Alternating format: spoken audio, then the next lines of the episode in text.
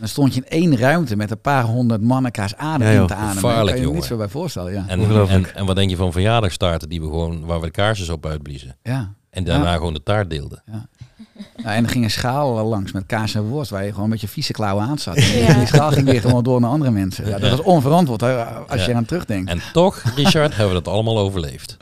Ja, en, en beter, we zijn er sterker van geworden. Dit is de Metabol Gezond podcast. Altijd voor jouw gezondheid.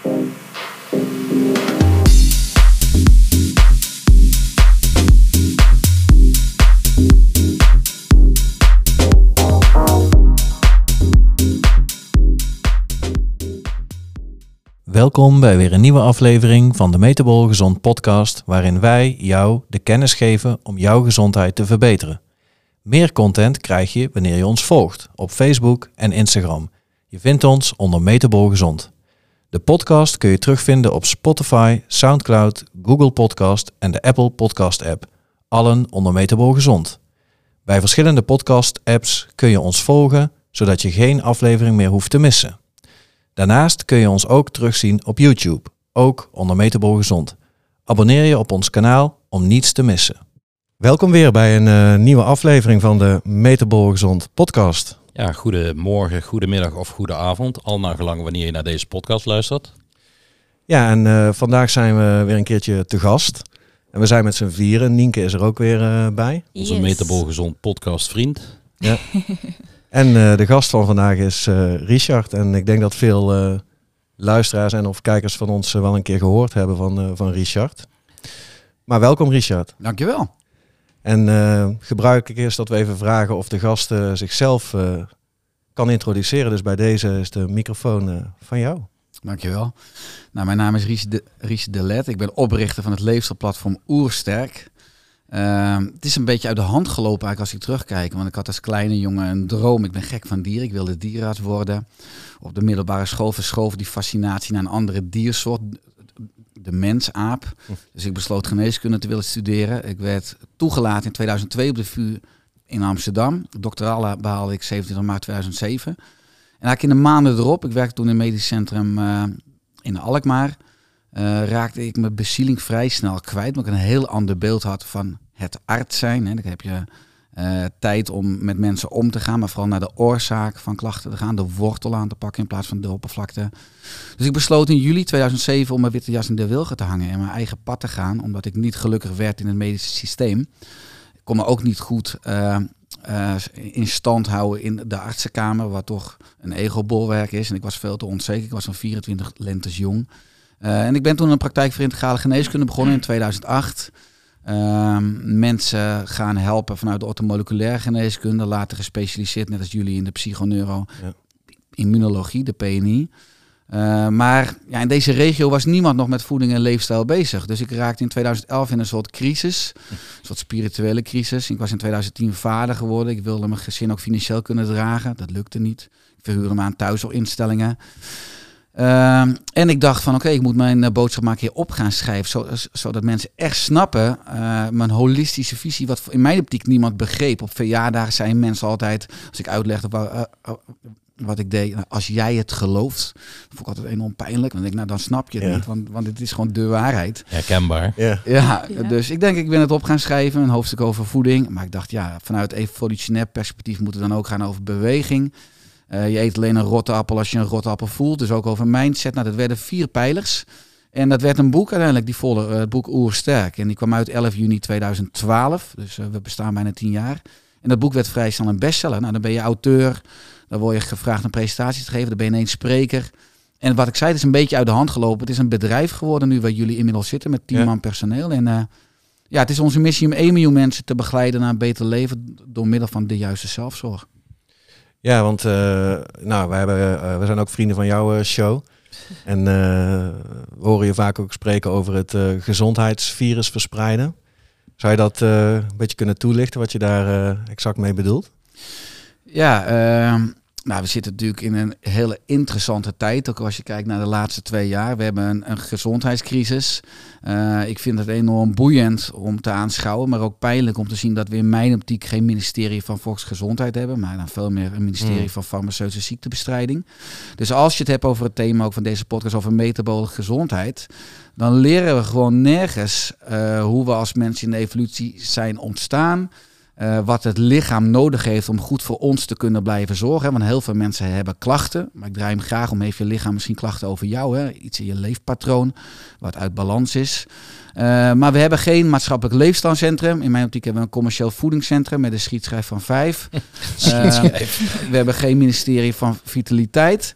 Uh, en het is eigenlijk mijn missie om mensen dus die informatie te geven, waardoor ze zelf betere beslissingen kunnen maken. En uh, ja, het nieuwe vakgebied is natuurlijk de epigenetica. Alles wat je, wat je doet, wat je denkt, wat je eet, wat, wat, je drinkt. Praat continu met je genen. Kan genen aan en uitzetten. Kan je sterker of zwakker maken. Maar dan heb je wel de juiste kennis nodig. En ook de juiste vaardigheden moet je ook trainen. En ja, dat wordt niet aangeboden in het basisonderwijs, niet op de middelbare. Dat leren we nergens. De meeste mensen komen pas in actie als hun gezondheid zijn verloren. Hè. Gaan dan alles eh, weer op alles zetten om het weer terug te krijgen.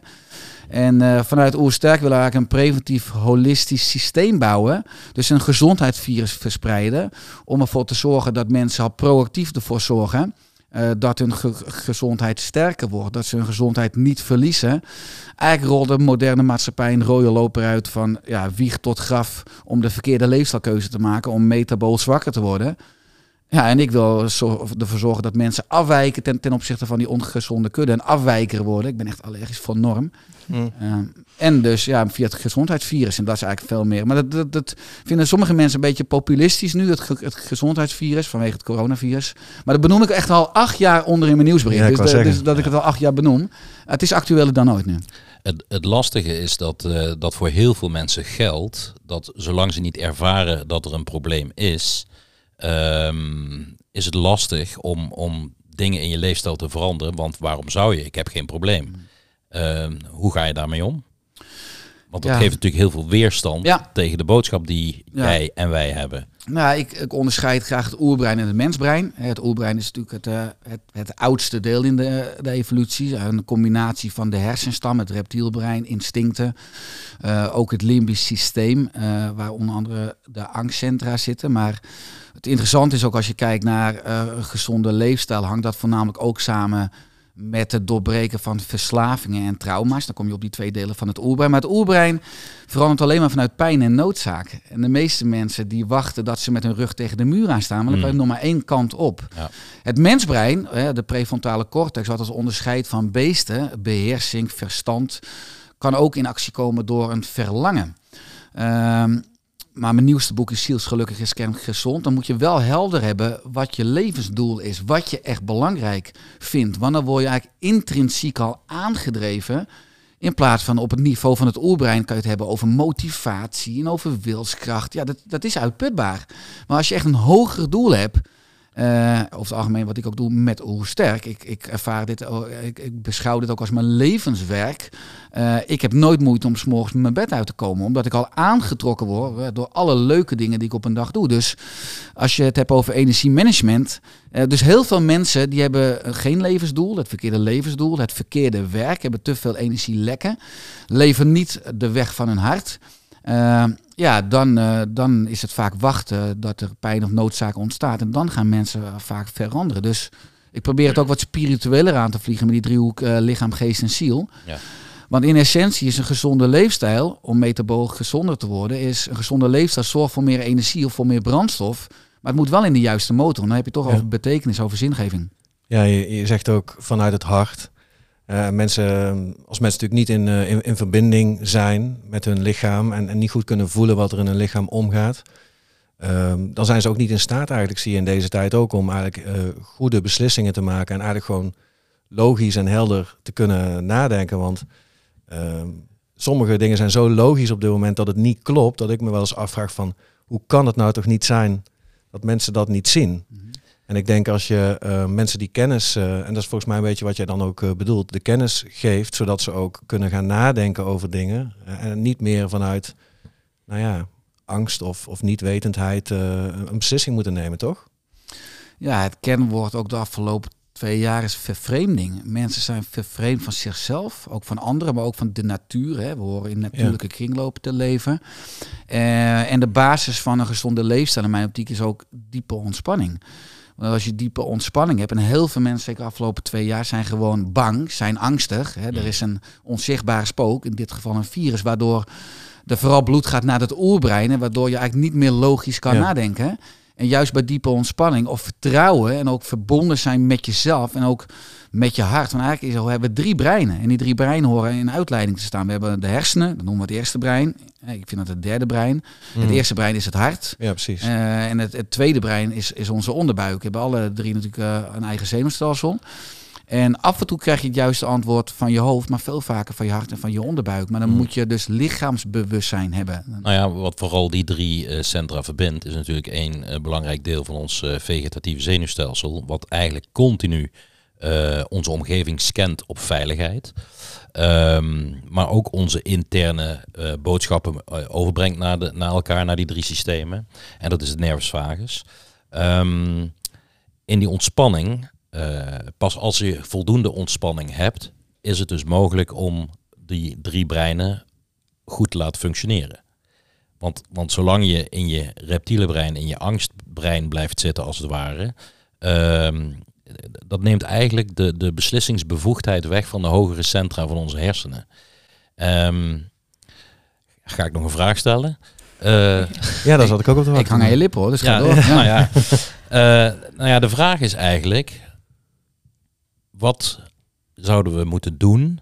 Wat kunnen we doen om ervoor te zorgen dat ehm, mensen weer terug in een prefrontale cortex, in een frontale cortex kunnen komen uh, om na te denken over wat er in de, in de wereld gebeurt? Ja, in mijn optiek kiezen voor minder en beter.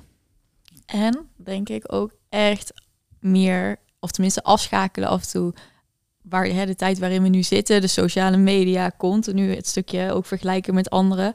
Ik denk dat dat ook een heel groot probleem is in het niet in verbinding komen met jezelf. Ja. Ja, nee, eens. Dus met minder en beter valt inderdaad ook gewoon het inplannen van uh, bufferblokken.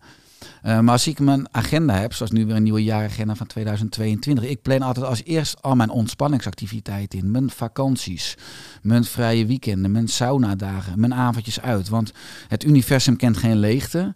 Uh, ik heb drie bedrijven, nou, ik heb een jong gezin. Uh, dus mijn ontspanningsactiviteiten zijn een beetje de stenen in het jaar. En de rest loopt vanzelf vol met water. Ja. En juist als je dat kadert. Want ik vroeg ging ook veel te lang door. Nu heb ik eigenlijk iedere drie maanden minimaal één week vrij. En in die week heb je altijd weer de mogelijkheid om te reflecteren. Ook om te zien of je nog op je, op je, op je levenspad of op je zakelijke koers zit. En eventueel bij te gaan sturen in plaats van dat je er pas anderhalf, um, anderhalf jaar later achter komt. Uh, maar veel mensen herkennen denk ik wel. Als ze uh, gaan kamperen, op vakantie zijn. Zeker. Heb je weer perspectief en denk je, oh, ik ga het helemaal anders doen. Ik ja. wil me iedere dag zo voelen. Ja, en, uh, en dan begin je weer en het lukt je een week, anderhalve, twee weken. En van een maand later ben je weer terug in het oude ja, automatische toxische ritme. Uh, dus, dus leiding nemen, proactiviteit, dus ook helder hebben. Moet je in eerste essentie ook weten wie, wie ben ik. Uh, nou, wat kom ik hier doen? Maar dat is ook natuurlijk een spirituele vraag. Dus welke talenten en, en, en mogelijkheden wil ik graag delen met het grotere geheel? En ook gewoon concrete doelen stellen en plan maken. En denk zeker ook wat Nienke toevoegt. Uh, in de moderne tijd is het belangrijk om ook de techniek te kaderen, zodat jij het leidt. En, uh, in plaats van dat het jou leidt, want die techniek gaat altijd door. Nou, het is wel heel herkenbaar. Ik, eh, ik denk dat uh, wat dat betreft voor mij de coronacrisis in maart 2020 een soort blessing in disguise is geweest. Ja. Voor de eerste keer heb ik zeven weken aan één stuk niet kunnen en mogen werken vanwege het feit dat alle contactberoepen dicht waren. En we wisten toen natuurlijk bij lange na niet wat we nu weten over, over dat coronavirus. Maar dat heeft ervoor gezorgd dat in plaats van drie weken vakantie, waarin je in de laatste eerste week vakantie uh, eigenlijk naar beneden komt in je activiteit en, en in de tweede week een relaxte week hebt en in de derde week ben je alweer bezig met het feit dat je volgende week weer mag gaan werken. Nou, dat was dus nu uh, zeven weken. En in die zeven weken ben ik echt tot rust gekomen en ook daar heb ik de beslissing genomen om het vanaf dat moment anders te doen. En ik heb het ook anders gepland vanaf dat moment. En het is wat je zegt, als je het niet plant, dan, dan, ja, dan loop je toch weer vol. En dat is een valkuil die denk ik voor heel veel mensen herkenbaar is. Ja, en als het dan ook nog eens dicht bij je hart ligt, waar Ja. we achter zijn gekomen, dan, eh, dan wordt het nog een stuk gemakkelijker om dat plan te gaan uitvoeren. Ja, het is een, een, een natuurwet. Als je je dag niet vult met hoge prioriteit doelen, dan wordt je dag gevuld met lage prioriteit afleidingen. Dat is mooi. Ja. Dat is wel ergens ook wel heel herkenbaar, maar in dit stuk wat we nu doen, eh, is dat echt omgedraaid. Ja, nou ja, ik, ik heb ook echt de beslissing genomen om in mijn praktijk eh, niet meer eh, 45 uur in de week mensen Ja. te behandelen. Eh, maar ik heb ervoor gekozen om zes uur per dag mensen te behandelen. En daardoor tijd te creëren voor mijzelf. Onder andere om drie keer in de week naar een sportschool te gaan, om hard te lopen en dergelijke. En dat zijn de dingen die daar voorheen eigenlijk bij inschoten. Omdat wat je al zegt, de dag vol liep als het ware.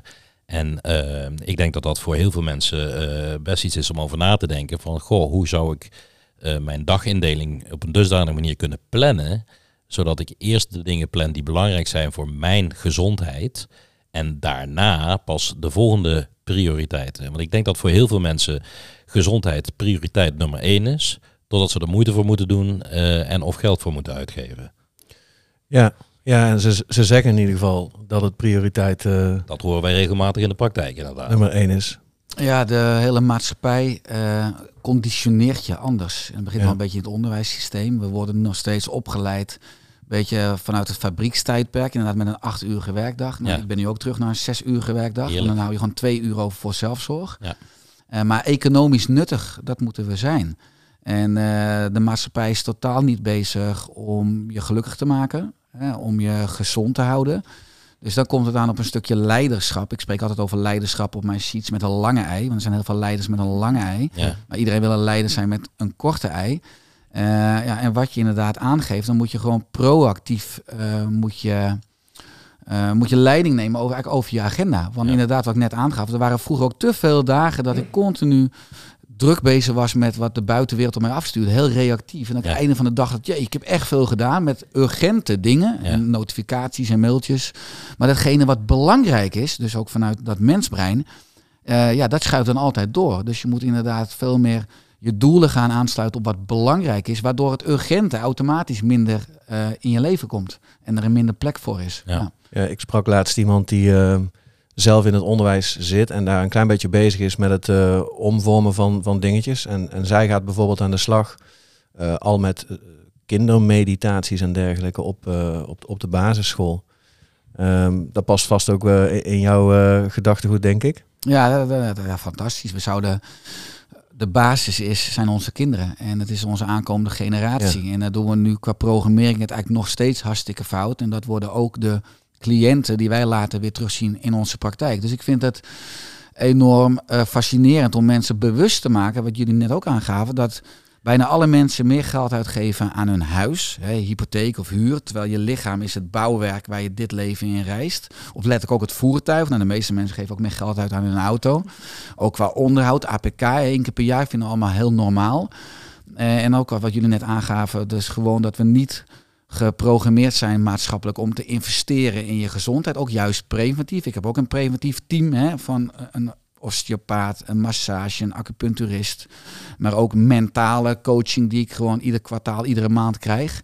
En eh, ja, we moeten nu iedere maand een basiszorgverzekering betalen van 100 euro per maand.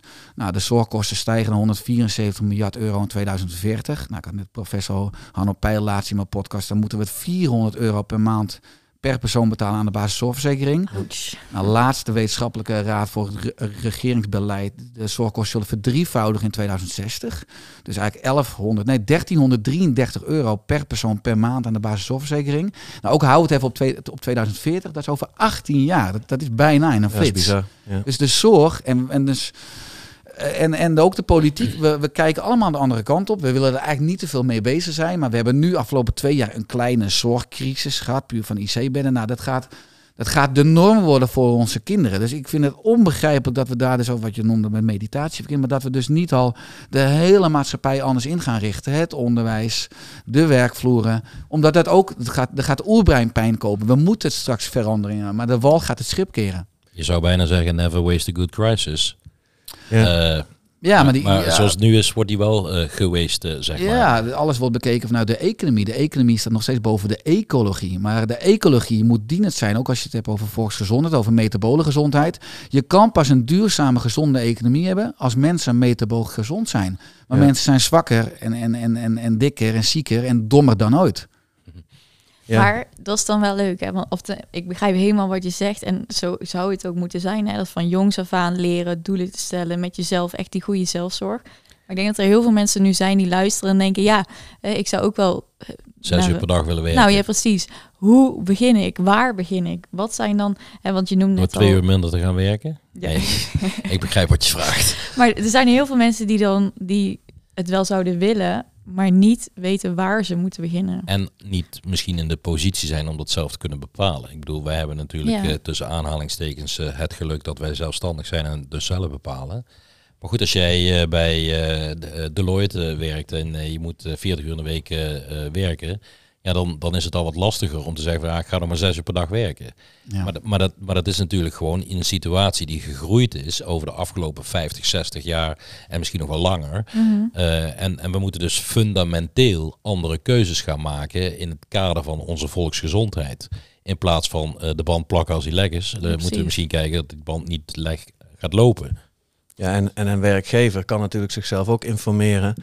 Want het zal voor zijn bedrijf hoogstwaarschijnlijk ook eh, iets positiefs opleveren als hij gaat kijken naar de werkweek van, eh, van zijn mensen, denk ik. Ja, je kan als werkgever nooit eh, verwachten dat je werknemers topprestaties leveren als Nee. je niet een omgeving faciliteert en creëert waar topprestaties mo- mogelijk zijn. Gelukkig zie je steeds meer op werkvloeren dat mensen onder werktijd kunnen sporten. Soms een sportschool al ook letterlijk op de werkvloer. Dat mensen meditatieruimtes hebben, dat er aandacht is voor gezond voedsel in de kantine. Eh, dat er een beleid is dat eh, werknemers als ze naar huis toe gaan ook echt vrij zijn. Niet meer mobiel aanwezig moeten zijn of continu bereikbaar mo- moeten zijn. Dus ja, ik denk dat we dat alle domeinen eigenlijk moeten ver- eh, veranderen en meebuigen. Maar, maar om het praktisch te maken, het hoeft ook niet per se veel tijd te kosten. Hè. De kleinste stap geeft het grootste re- resultaat. Als ik opsta 's morgens, ik heb dan een leefstijldagboek, de, de Oerstek Journal, maar je kan ook gewoon een blaadje hebben. Ik schrijf iedere ochtend op, vaak al de avond van tevoren, wat mijn doel is van de dag.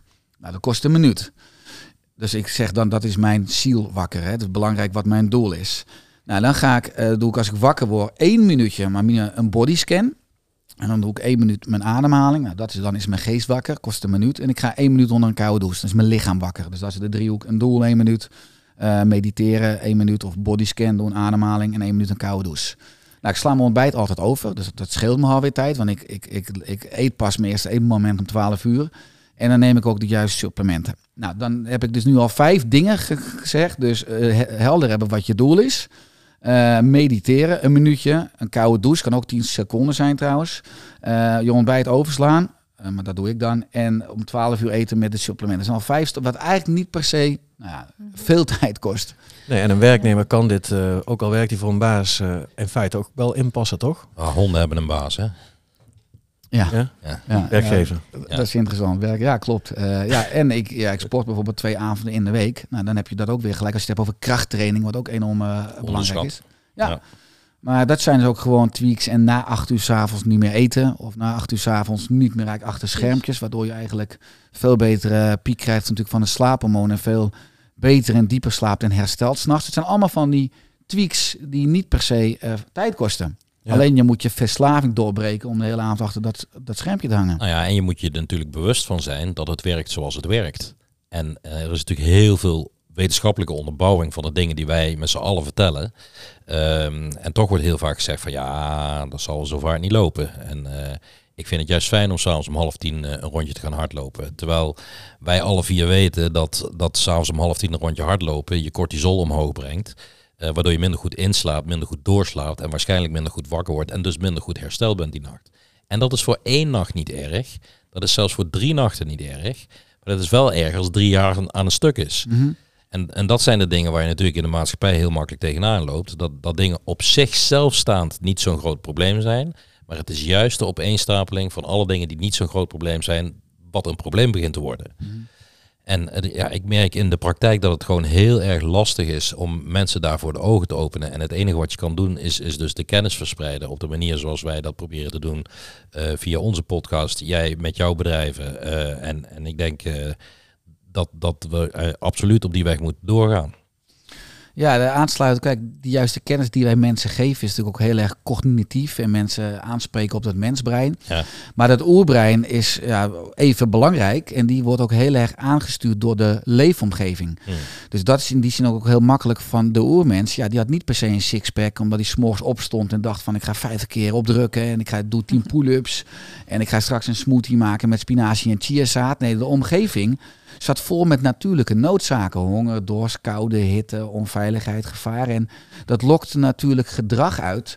En de moderne mens gaat eigenlijk ten onder aan zijn evolutionaire succes. Omdat hij voor het eerst in 50 jaar in onze hele evolutie proactief zelf moet zorgen dat hij slank blijft, dat hij energie blijft, uh, energiek blijft, dat hij uh, fris en helder opstaat, uh, dat we lekker in ons vel zitten. Terwijl we ja, vanuit de evolutie beschermd zijn bijna tegen schaarste maar niet tegen overvloed. Dus we hebben allerlei antropogene factoren, nieuwe evolutionaire omstandigheden waar we nog niet optimaal op zijn aangepast. Mhm. We plegen dus allemaal onbewust zelfmoord in slow motion, hè, omdat onze genen geen bal begrijpen van ons gedrag. Zelfmoord met mes en vork. Ja, ja, de meeste mensen graven een graf met, me met mes en vork, wat Patrick Holford altijd zegt.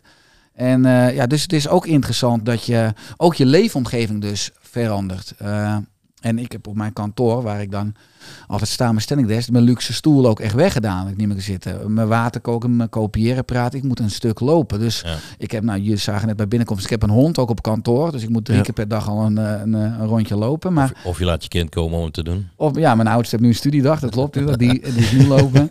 Ehm, maar dat is ook zo'n belangrijk om de omgeving, maar ook sociaal. Hè. Heel veel mensen zijn nu alleen bezig. Maar als je wil veranderen, uh, zorg voor een buddy. Of ook nu bij de sportschool. Ik heb dan bijvoorbeeld een, een clubje mensen, daarmee spreek je af. Maar we zijn sociale dieren en veranderen samen is veel makkelijker. Ik heb uh, gelezen uh, gisteren uh, dat, dat jij ergens gezegd hebt dat het eten van een kroket met vrienden misschien zelfs wel beter is voor je gezondheid dan een biologische broccoli in je eentje. Ja. Ja. Vond ik een mooie opmerking, omdat heel, heel veel waarde wordt gelegd op alleen voeding als, als belangrijk in, in je gezondheid. Terwijl die verbinding waar we het in het begin al over hadden, natuurlijk ook enorm belangrijk is, omdat we sociale wezens uh, zijn. En uh, nou ja, ook hiervoor geldt natuurlijk weer, het is niet goed om zeven dagen in de week met vrienden kroketten te eten. Maar, maar goed, uh, alles met mate. Mm. En, en als je met vrienden bent, dan is het altijd met mate, toch? Ja, daarom. Ja. ja. ja ik moet altijd denken, zeker ook weer in deze tijd, dat het sociale verhaal ook ergens juist beschermend is, letterlijk tegen nou ja, bijvoorbeeld een virus. Uh, en dat, dat het, het, het, het, nemen van maatregelen zoals ze worden genomen eigenlijk alle omgekeerde effecten uitlokt van je überhaupt te wapenen tegen wat er nu aan de hand is. En ja, dan denk ik wel zo, er moeten toch uh, koppen zitten die dit ook uh, snappen ja. dat als dat zo lang duurt, dat dat alleen maar destructief werkt. Als, als advocaat van de duivel zeg ik dan altijd van, maar als je dat de mindset is waarin jij de eerste maatregelen hebt genomen, is het logisch om dan de volgende maatregelen op dezelfde manier verder uit te rollen. En dat is het hele, het hele lastige aan de situatie. Uh, je bent mee of je bent tegen. En zo gepolariseerd kan het natuurlijk niet zijn.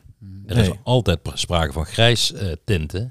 Ja. 50. En dan kom je ook weer bij die kudde. Eh, dat zeg jij ook vaak. Als je die kudde volgt, dat is vaak makkelijker dan het zwart schaap zijn en afwijken. Als je de kudde volgt, dan loop je, de shit van ja. van anderen. Dus ga je eigen werk zeggen altijd. Ja, nou, ja, wat je zegt, we hebben op een gegeven moment vanuit de politiek ook uh, het OMT een pad gekozen. En ik denk dat dat ook zitten veel slimme, knappe koppen.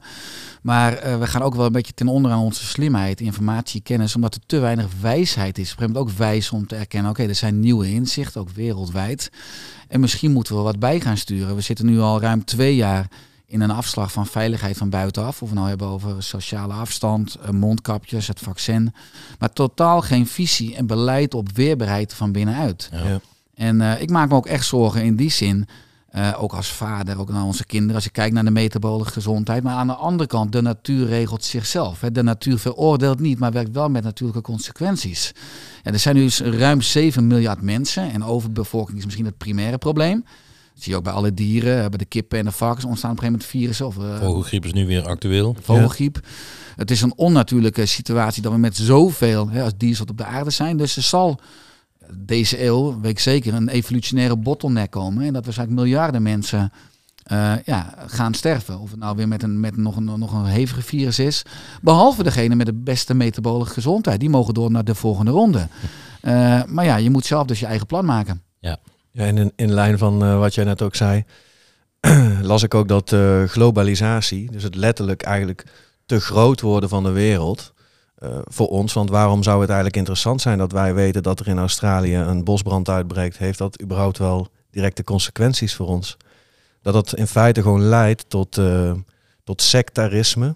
Dus mensen gaan weer versmalling zoeken en gaan. En, ik hoorde laatst dat de Jehovah's getuigen dat dat weer aan het toenemen is. Mensen die zich daarbij eh, En ze willen ergens bij horen. aansluiten. En, en, en dan krijg je ook die, dat werkt volgens mij ook heel erg sterk in op die polarisatie. Dit soort eh, globaliserende effecten. Ik las bijvoorbeeld ook dat ehm, influencers, die nou ja, een, een miljoen eh, volgers misschien wel hebben.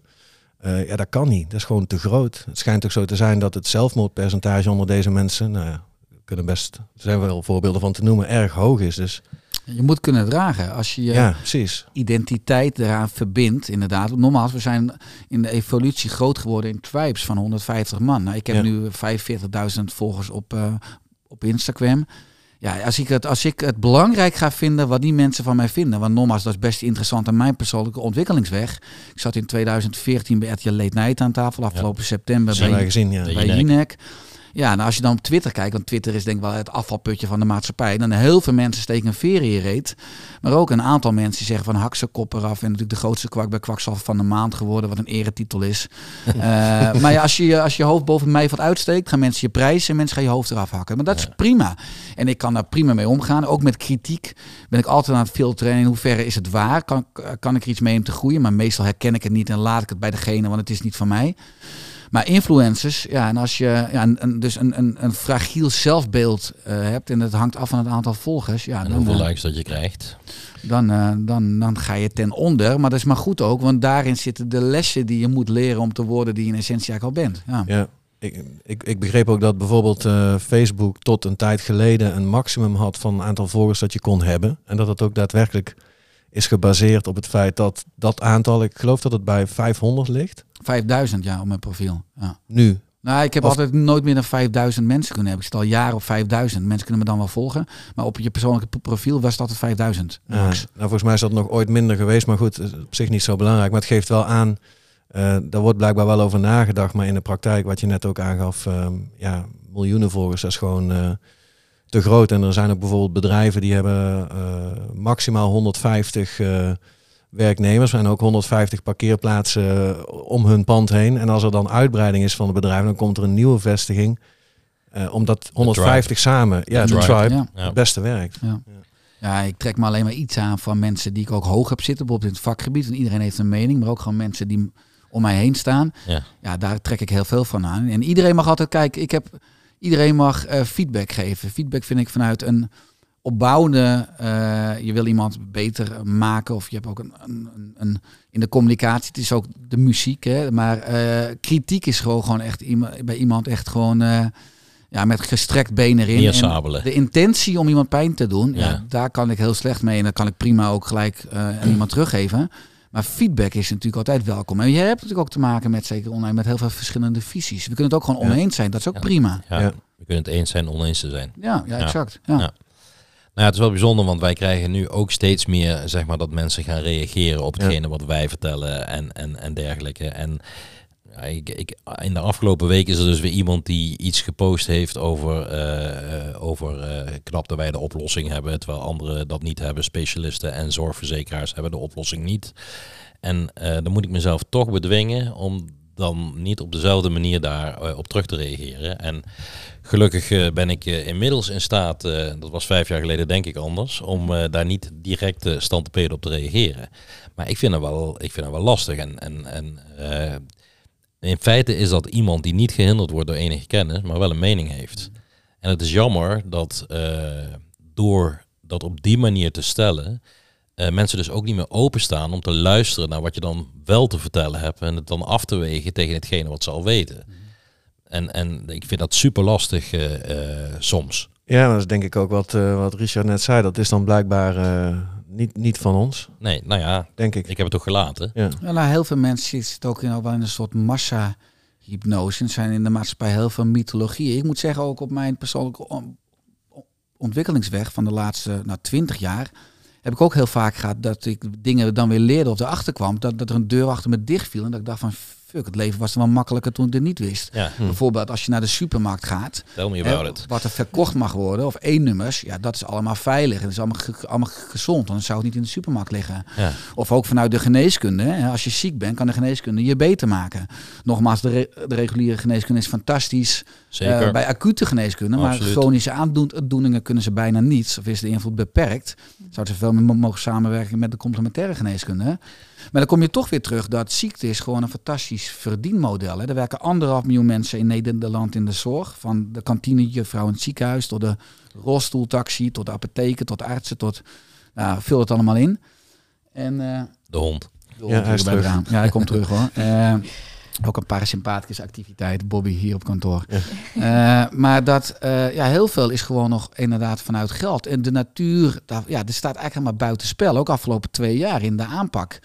Terwijl eh, om de juiste antwoorden te vinden, moeten we niet per se naar voren kijken en in de wetenschap, maar veel meer gewoon achterom kijken in evolutie en ons weer natuurlijker gaan gedragen. Alleen, ja, als je het hebt over het patenteren van natuurlijke interventies en ook leefstijl of kruiden of voeding, ja, dat gaat niet. Dus daarom is er gewoon vanuit ja, geld en ethiek, hè, dat vind ik boeiend. Ja. Eh, ook als je nu kijkt de afgelopen twee jaar, ja, waar het om veel geld gaat, vervaagt ethiek meestal. En dat gebeurt nu op, op, op wereldschaal de, de laatste twee jaar. Ja. Vind, vind ik echt zorgelijk. Eh, dat is het ook.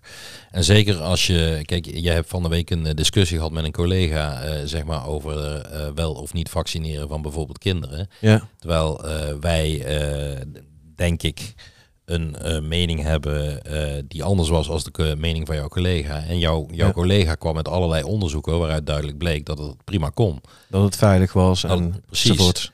En dat is natuurlijk, als dat hetgene is wat je leest, als dat hetgene is wat je hoort en je leest niets anders en je hoort niets anders, en dat is dus de bubbel waar jij in zit, dan is het wat jij vertelt waar. En dat is iets wat ik, eh, wat ik ontzettend lastig vind. Bij mezelf, ik heb altijd zoiets van, ja, ik, ik denk dat ik eh, best wat weet van eh, hoe dat ons immuunsysteem eh, werkt. En ik lees ook dingen dat ik denk van, hmm, zou kunnen. Ja, en het is ook interessant altijd om naar je eigen bubbel te kijken. Hè? Want Zeker, de buitenwereld is een afspiegeling van je binnenwereld, je perceptie.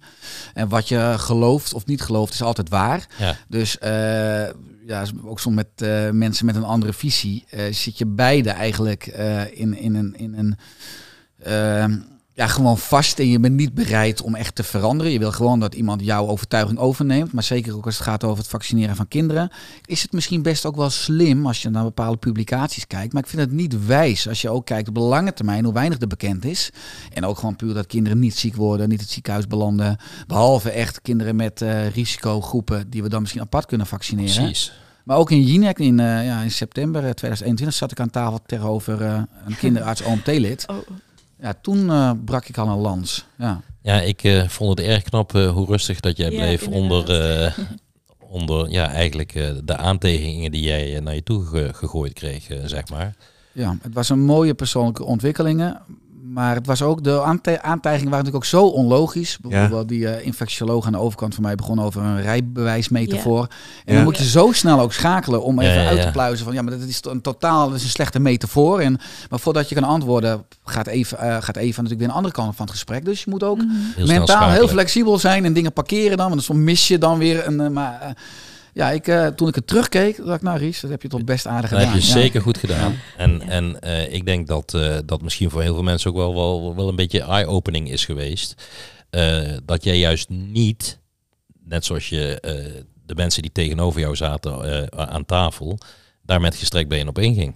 En bent Juist bij je niet. eigen verhaal gebleven. Ook. Ja, Heel, Ja. heel erg. Nou, ook als je kijkt naar dat interview. Ik vond dat ik heel erg leidde ook. En dat zij re- reactief op mij moesten reageren. En Ja. ze hadden zich denk ik ook helemaal niet zo goed voorbereid wie ik was. Hè? Dus eh, achteraf hoorde ik ook wel. Want ik was dan natuurlijk als vader die meedeed en dag ervoor aan het protest die Oh, meeliep. Ja. Ze wisten denk ik niet dat ik zo gezondheidsexpert was. Want ik heb ook wel gehoord dat de kans klein is dat ze me weer uitnodigen. Want ze vonden me iets te sterk. Eh, dus dat is een Maar compliment. dat is toch erg? Ja, maar dat is toch erg? Je, iets te sterk en je wordt dus niet meer uitgenodigd. Jij was oersterk. Oh, daar word je toch niet goed van. Ja, ja, nou, dat is eh, natuurlijk ook wel zo dat eh, de media of de mainstream media, zoals ze dan toch wel allemaal ja, wel met dezelfde mond spreken. En eh, ook rondom dat we toen nog zaten dat gewoon dat vaccineren, dat eh, ja, De enige uitweg was. Ja, en dat de experts die een, die een podium aan tafel kregen, bijna ook allemaal datzelfde standpunt hadden. Waardoor ja, dat helemaal niet per se de waarheid is, maar de tegenstanders of mensen met een andere visie kregen gewoon geen podium. Dus ik was wel heel blij dat ik ja, daar in ieder geval 10, 11 minuten de kans had om mijn perspectief te delen. Ook namens heel veel zorgprofessionals. Zeker. En eh, die, eh, die dachten eindelijk is een ander geluid. Dus ik heb enorm duizenden complimenten gekregen. En nou ook natuurlijk eh, kritiek, maar dat hoort erbij. Maar uiteindelijk was ik vooral trouw gebleven aan mijn eigen stem als mens en ook als vader. Ik vond het echt belangrijk, ook richting mijn zoons. Eh, ja, ik was toch voor mijn gevoel een spreekbuis namens heel veel ouders. En dat filmpje Ja. ook op eh, social heb ook voor mij bijna een miljoen views. Dus Ja. is enorm veel gedeeld. Ik heb ook bijna een jaar al een shadowban op social media, omdat ik het gezondheidsvirus verspreid. Dat is ook interessant. Wie, wie heeft mij op een shadowban gezet? Is het een Ja, algoritme Waarschijnlijk, of zijn waarschijnlijk de factcheckers. Ja, nou, dat- dat, is interessant. Dat is dus interessant, dat, dat, dat de reguliere instanties een, monopolie hebben op de waarheid. Dat is zeker. Ja, nou ja, ik, ik zie eh, al jouw posts eh, inderdaad eh, op social media voorbij komen. En ik verbaas me over het feit dat je niet getagd kunt worden. En, en, en dat er dan inderdaad een shadowban is. En we zien het natuurlijk niet alleen bij jou, we zien het ook wereldwijd gebeuren. Bij mensen die andere dingen verkondigen als wat er mainstream media zeg maar naar buiten komt. En het is inderdaad lastig om, als je alleen maar de mainstream media hoort, eh, andere gezichtsvelden te, te krijgen. Want als je niet in die bubbel, in dat algoritme zit, ja, dan zie je het dus gewoon niet. Ik verbaas me continu over, over de mensen in de praktijk die, die eigenlijk eh, eh, klakkeloos aannemen dat wat er in de krant staat en wat er bij het NOS-journaal verteld wordt, dat dat de waarheid is. Ja, en daarbij is het natuurlijk ook nog zo dat persvrijheid, onafhankelijkheid, zoals oh, in onze rechtsstaat eigenlijk een controlerende functie, zelfs van journalistiek zou moeten zijn over eh, politiek beleid. Ik weet niet of het ergens nog wel zo is eigenlijk. Nou, Maar, maar natuurlijk een lastig verhaal als je als pers eh, afhankelijk bent van advertentieinkomsten. nou, bijvoorbeeld. Dus ook weer, ook weer economie. Ja, de goede onderzoeksjournalistiek hebben we eigenlijk bijna niet meer Nee. in ons land. Of je moet echt naar de Groene Amsterdam, echt naar bepaalde kleine bronnen. Maar eh, ja, ik vind dat ook echt ook interessant. Omdat ik vro- vroeger ook dacht dat de media, die moet juist ook een, eh, een functie hebben. Dat verschillende meningen, eh zeg maar, ook gewoon een podium krijgen, perspectief krijgen. Hmm. Ook altijd alles met maximale twijfel aannemen. Nieuwsgierig zijn. Want het is Ja. altijd eng als je denkt dat iets de waarheid is. Eh, dus ook afgelopen twee jaar heeft mij enorm geholpen. En daar ben ik echt dankbaar om. Want uiteindelijk heeft alles mogelijkheden tot, tot groei. Om nog meer los te komen van het systeem. Maar uiteindelijk nog meer bij jezelf te komen. Mhm. En uiteindelijk is alles schijnzekerheid en veiligheid. Uiteindelijk is de enige zekerheid die je hebt is, nou ja, als je het heel zwart weet, je wordt geboren in je eentje en je gaat in je eentje dood. Ja. En, je- Maar en je moet belasting betalen. eh, ja, belasting betalen. Ja. Ja. Of, of creatief omzeilen, maar ik weet niet of dat de juiste podcast is. maar hoewel, ja, dat is ook grappig als je het hebt over. Ik heb laatst dan bijvoorbeeld de quote 500 gelezen als je het daarover hebt. Alle grote bedrijven en multinationals, daar is het spel gewoon zo weinig belasting betalen. En dat is eigenlijk voor, eigenlijk voor arme mensen. En die hebben allemaal BV's in andere landen en die shunt het allemaal. Dus dat is ook interessant. De grote bedrijven, de rijke bedrijven, betalen bijna geen belasting als je het hebt over ethiek en economie. Maar ja, dat Andere eh, podcast andere misschien. podcast. Ja. Maar, eh, Maar het ja. ligt wel in, de, in, in het verlengde van waar we het over Nou ja, als je gaat kijken naar bijvoorbeeld ook eh, als je als je naar kijkt naar alle crisissen die op dit moment spelen, hè, dan heb ik het over klimaat, eh, eh, gezondheid. Eh, eigenlijk zijn wij, de mens, verantwoordelijk voor de situatie waar we op dit moment in zitten. Zowel eh, gezondheidstechnisch als ook klimatologisch eh, gezien. En dat betekent dus eigenlijk dat er maar één iemand is die er iets aan kan veranderen. En dat zijn wij als mens. Alleen de vraag is of dat de voorgestelde weg de juiste weg is. En ik denk, ik heb gisteren nog tegen iemand gezegd, ik denk dat als we corona zijn gang hadden laten gaan en de helft van de wereldbevolking was overleden, dan hadden we de komende 70 jaar in ieder geval geen problemen gehad met fossiele delfstoffen en dergelijke. Ja, en Klopt. Ja, en dit is nog een heel mild virus, hè? Dus- Maar dat Ja. laat zien hoe metabool verzwakt we al zijn. Ja. Ja. Nou, en op, op- met, met het beleid en de, en de politiek is het natuurlijk heel erg een, eh, een top-down regulatie nu. En, en eh, Eigenlijk ik- wil je bottom-up. ja, dan gaat ook de, de invloed er eh, weer zijn. Maar als het systeem dat niet toelaat of ze houden ons in die, in die, in die massahypnose, dan is dat heel erg lastig. Ik heb, eh, je hebt dat waarschijnlijk ook wel eh, gehoord van eh, Matthias de Smet, zeg ik dat goed? Ja. Massavorming, ja. Ja. Ja, dat, eh, wat zegt hij geloof ik? Dat eh, minimaal een derde of nog meer moet toch echt wakker zijn of worden. Wil er überhaupt een beweging komen eh, de andere punt. kant op? Ja, kritieke punt. Maar hij zegt ook dat juist hoogopgeleide mensen ja, eerder geneigd zijn om in het, in het, ja, in het, in het narratief mee te gaan eh, zoals het nu is, zeg maar. En, en dat verbaast me, want, want je zou verwachten dat dat mensen zijn die hebben geleerd om na te denken. Maar blijkbaar is dat niet zo, of blijkbaar... Ik, ik weet niet hoe ik dat moet zien. Nou, bij mij in de buurt, ik, ik woon in een buurt waar eh, een wijk is waar niet zo heel veel, eh, om het maar een beetje respectvol te zeggen, minder intelligente mensen wonen. Maar nou, gewoon met wat lagere inkomens. en, Ja, precies. ja, je weet niet of ze minder intelligent zijn. ja. misschien niet de juiste term, maar ehm, wat je daar ziet is dat daar, eh, al- als er dan weer iets gebeurt, zoals bijvoorbeeld eh, een, een nieuwe maatregel of zo, ja, dan breekt echt eh, de, de pleuris uit en dan is er echt eh, 200% eh, weerstand naar boven toe. Dus dat doen zij wel. Ja, Ja, dat, het punt is ook van over het algemeen van slimme mensen. Of je kan natuurlijk kijken naar lage of hoge sociaal-economische klassen. hè. Dat was je- beter. Ja, inderdaad. Nou, ik zal je even aanvullen. Eh, hoewel heel veel mensen daar weer erg op reageren van... eh, zit ik dan in een lage klasse en onderscheid, maar dan krijg je dat weer. Dus dat is ook Ja. een goed punt. Maar eh, veel meer als je dan kijkt puur naar euro's. Eh, ik denk dat als je echt, wat ik ook wel heb uit de geneeskunde met heel veel vrienden nog... je wordt zo erg ga je overleven in je linkerbrein. Dus je raakt ook het contact kwijt met je rechterbrein, met je gevoel, met je intuïtie, met je alles doet op basis van denken en wetenschap. En als je te emotioneel of te spiritueel bent in de geneeskunde, houdt niet vol. Je ziet de hele dag zieke mensen. Eh, dus ook als je kijkt naar de afgelopen twee jaar, is het ook een kans geweest in het OMT dat we bijna ook veel meer filosofie en spiritualiteit. Ik heb ook nog een keer op een blauwe maand filosofie. Maar we willen iedereen bijna aards in leven houden. Maar we Ja. mogen ook anders kijken naar de kringloop. Leven, dood. Het is toch helemaal niet interessant hoe oud je wordt als de muziek maar uit je is. Hè? Ik bedoel, als je vol leeft, kan je leeg sterven. Het maakt mij niet echt uit hoe oud je dan bent. Maar ik denk dat we ook er te veel aan doen om niet dood te mogen gaan. Met Ja. zoveel secundaire en tertiaire maatschappelijke schade. Omdat we de dood ten koste van alles willen voorkomen. Terwijl en daarmee leven we dus niet. Nee, en daardoor helemaal vergeten te leven en niet meer kunnen leven. Nee. Ja, het leven parkeren. En nu al twee jaar buitenspel zetten. Ja. En dat zeker voor, eh, voor al die kinderen. Je zal maar 15 zijn dat de coronacrisis uitbrak. Heb Ja. je tot je zeventiende niet kunnen stappen, niet, niet gewoon, weet je wel. Dat, Niet de dingen kunnen doen die wij hebben gedaan. ja. Nou, die ook gewoon bij die fase horen. Een Maar- bepaalde sociale ontwikkeling, een netwerk creëren. Nou, precies ja, dat. hoor je ook, hè. Al die problemen die nu komen. Al die of, eh, ja, psychische problemen bij studenten, bij noem maar op. Jij bent wanneer afgestudeerd? 2021. Dus jij hebt nog eh, het staartje eh, in je laatste jaar eh, opleiding eh, meegekregen. Ja. Ja, ik heb een eh, dochter die eh, nu in het, eh, in het tweede jaar zit van haar HBO-opleiding. En eh, die is, eh, ik denk, misschien 70% van die opleiding thuis geweest. Ja. En eh, die, die, die heeft zelfs de voorkeur om het thuis te doen. Maar goed, dat is, eh, dat is dan weer een ander ding. Maar ja, dat is voor heel veel studenten natuurlijk eh, geen leven. Nee, want ik kan me voorstellen, Nienke, dat jouw diploma-uitreiking was er ook online. Nee, nee, dat kon net was tussen de goede, goede periode, om maar even zo te zeggen. Dat het wel hè, in groepen met tijd sloten bla bla bla. Ja, maar dat, dat hoort maar wij hebben een super groot feest gehad Ja. nadat we onze diploma's Nou, ja, kregen. dat, Ja. dat niet, nee. Nee.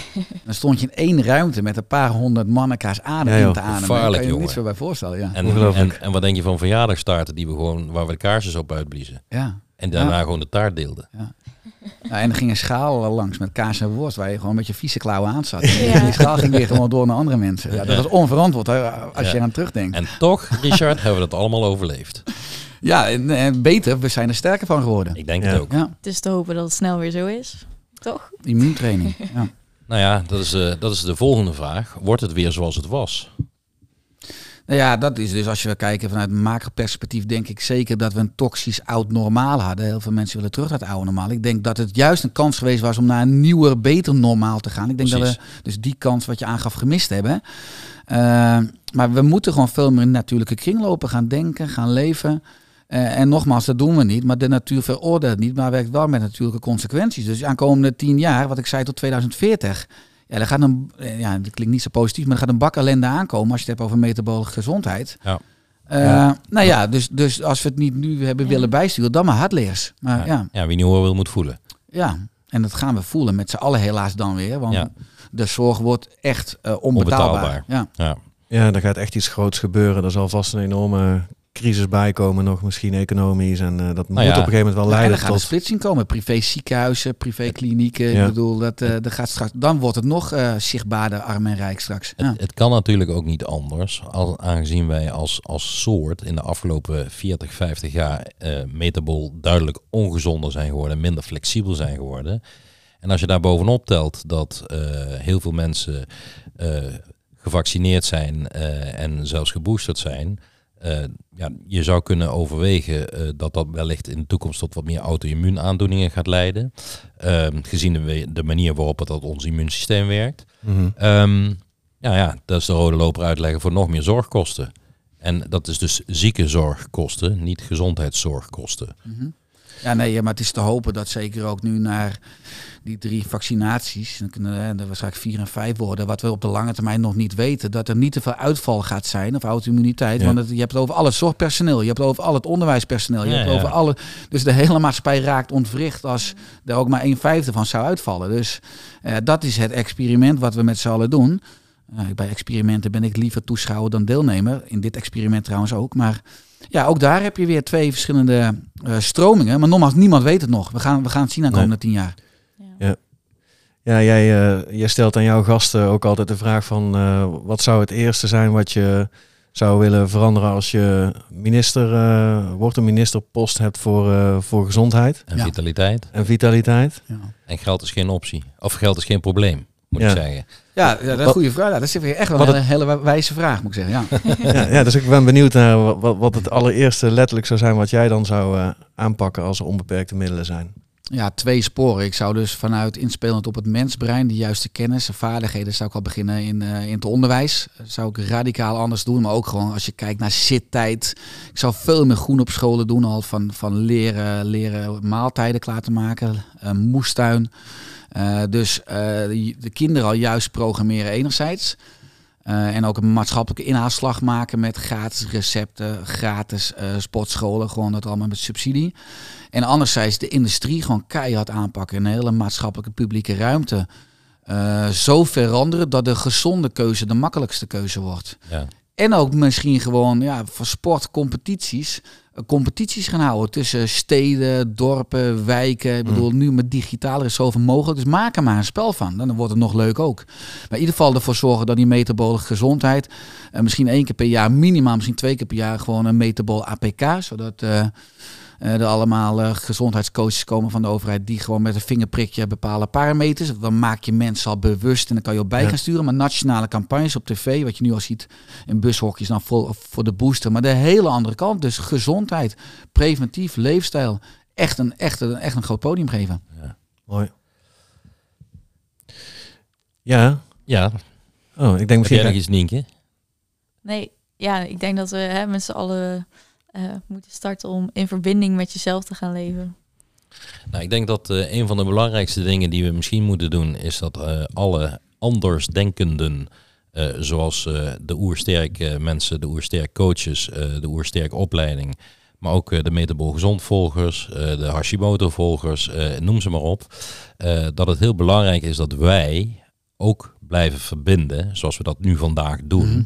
eh, om de boodschap buiten te krijgen. Ja, hoe meer mensen deze boodschap uitdragen, dan, eh, dan vloeit dat ook steeds sterker uit. Daar ben ik ook van overtuigd. Ja, Eens, ja, bruggen bouwen. Ik bedoel, eh, samen is ook veel leuker en je komt uiteindelijk veel verder. En eh, ja, wat, wat Nienke aangeeft, is denk ik ook een mooie toevoeging, is dat uiteindelijk is het allemaal onze levensopdracht om denk ik weer heel te worden. Ik bedoel, ik ben opgeleid vanuit de geneeskunde waar het meer gaat om genezing, wat toch het fysieke vlak is. Maar als je ook het mentale, het emotionele en het spirituele erbij pakt, dan kan je als mens echt heel worden. En Uh, ja, ik had vroeger ook echt de illusie vanuit de geneeskunde dat oh, ik dacht echt vanuit vlees in het bloed, totdat ik erachter kwam, ook bij patiënten in mijn praktijk, dat heel veel mensen klachten bleven houden en dan ga je dus verder zoeken, want er moet er meer zijn dan het fysieke. Ja. En ik kwam daarna dus op het mentale en dan op het emotionele en, en toen eigenlijk op het spirituele, omdat er steeds weer iets ontbrak. Ja. Maar hoe mooi zou het zijn als we mensen ook gewoon op die weg zouden stimuleren en eigenlijk spreek je ze aan dus in hun hart gewoon op een blauwdruk of een levensdoel, om veel meer vanuit je ja, intrinsieke missie uh, gewoon het leven te gaan leven volgens je eigen voorwaarden. In plaats van hè, de maatschappij en 40 uur in de week werken en consumeren en consumeren. Want ja, ik ben nu de laatste jaren echt al aan het uh, consuminderen. Maar, maar minder is beter. Ik noemde het uh, eerder. Maar ook spullen zijn veelal luis en, afreiken, en afleiding. En ik leef eigenlijk enorm minimalistisch. Ja. Eigenlijk is de weg waar we op zitten doodlopend.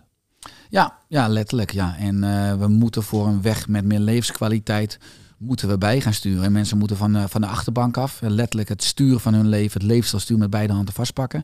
En ik denk dat we vanuit Oersterk, met jullie ook met de podcast Metabolisch Gezond, mensen gewoon weer uh, letterlijk informatie, inspiratie hebben, maar ook praktische tools hoe ze dat stuur met beide handen kunnen vastpakken. En dus letterlijk los kunnen komen van het systeem. Maar daar ligt eigenlijk werkelijke vrijheid, maar ook geluk en uh, duurzame metabolische gezondheid.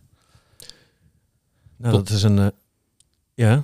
Nou ja, ik, ik zit te wachten op jouw vraag. Nou ja, tot slot, Richard. Eh, ik denk uh, dat het een uh, fantastische podcast is geworden. Maar wij sluiten altijd af met de vraag: wat doe jij om metabol gezond te blijven? Ja, dat is buiten dat ik veel mensen de juiste informatie geef, dat ik het ook voorleef. Dus ik ben ook continu bezig met persoonlijke ontwikkeling. Ik zei, ik heb een eigen preventief gezondheidsteam om mij heen. Ehm, ik, uh, nou, wat ik zei, gewoon mijn dag. Ik heb, ik heb iedere dag een beetje een oerstuk dagplanning. Dus, dus van koud douchen tot je doel helder hebben. Tot iedere dag doe ik wel krachttraining. Ook al is het even 25 eh, keer opdrukken. Uh, intermittent fasting. Ik eet eigenlijk maar twee maaltijden per dag. Nou, ik heb iedere dag de juiste supplementen. ik eet nooit na acht uur s avonds. Ik sport dan ook niet meer. Dus s'avonds is al een beetje een ontspannen ritme na een goede narust ik, ik, met Oersterk leef ik eigenlijk mijn levensdoel. Dus ik ben ook enorm veel thuis met mijn twee zoons. Dus sociale verbinding. Uh, maar eigenlijk het geheim van een goed leven is gewoon een goede dag. En als je een, goede dag hebt vandaag, morgen, overmorgen, heb je automatisch een goed leven. En uh, ja, hou het klein. En voor, voor mij dus heel erg weer veel minder dingen doen. Want in het verleden was ik nou veel te veel bezig met nou, met alles. Terwijl ik nu weer alleen maar de essentie doe en heel veel dingen. Dus ik zeg bijna altijd nee en heel weinig meer ja. Dus mijn leven is veel overzichtelijk en daardoor veel leuker geworden. En uiteindelijk ook gewoon ja, me blijven verdiepen. Ik ben continu ook bezig met studie, want dat voedt mijn verwondering, dat voedt mijn fascinatie. En, en ik heb enorm veel enthousiasme en passie. Dat is denk ik nog belangrijker dan de informatie.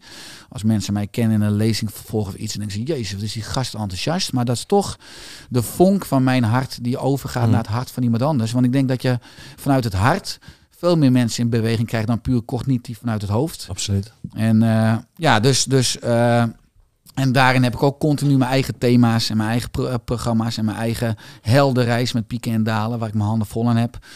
Maar ja, ik, geniet wel enorm van mijn eigen leven met mijn gezin. Maar ook dat ik met Oersterk nu, zijn er meer dan een miljoen mensen per jaar op onze website. De nieuwsbrief wat iedere zaterdag dan honderdduizend man. Ja, dat, dat, dat dat steentje in dat water, dat die kring zo groot is geworden. En dat ik nu ook weer nu met jullie mag verbinden. Ja, ik geniet, ik geniet ervan. Ik ben ook enorm blij en dankbaar. En uh, ja, dat is genoeg. Ja, ja ik vond het ook uh, echt superleuk gesprek. Ik ook. Ik ook. Nou, fijn. ik ook.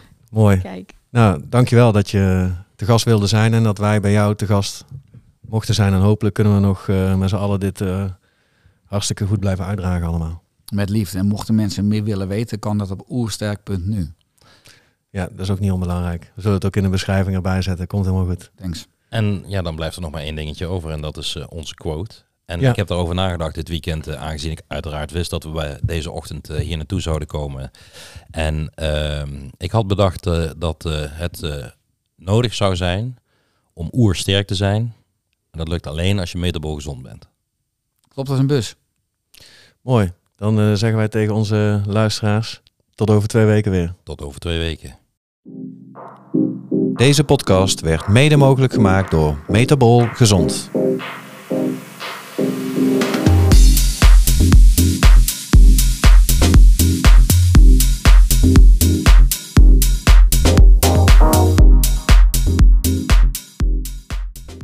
Informatie in deze podcast is niet bedoeld als vervanging van diensten of informatie van getrainde medische professionals en of zorgverlenende instanties zoals huisartsen, medisch specialisten, spoedeisende hulpverlening en acute geestelijke gezondheidszorg. De informatie in deze podcast, noch de gebruiksmogelijkheden, kunnen gezien worden als een vervanging van medische of andere professionele hulp, zorg of ondersteuning.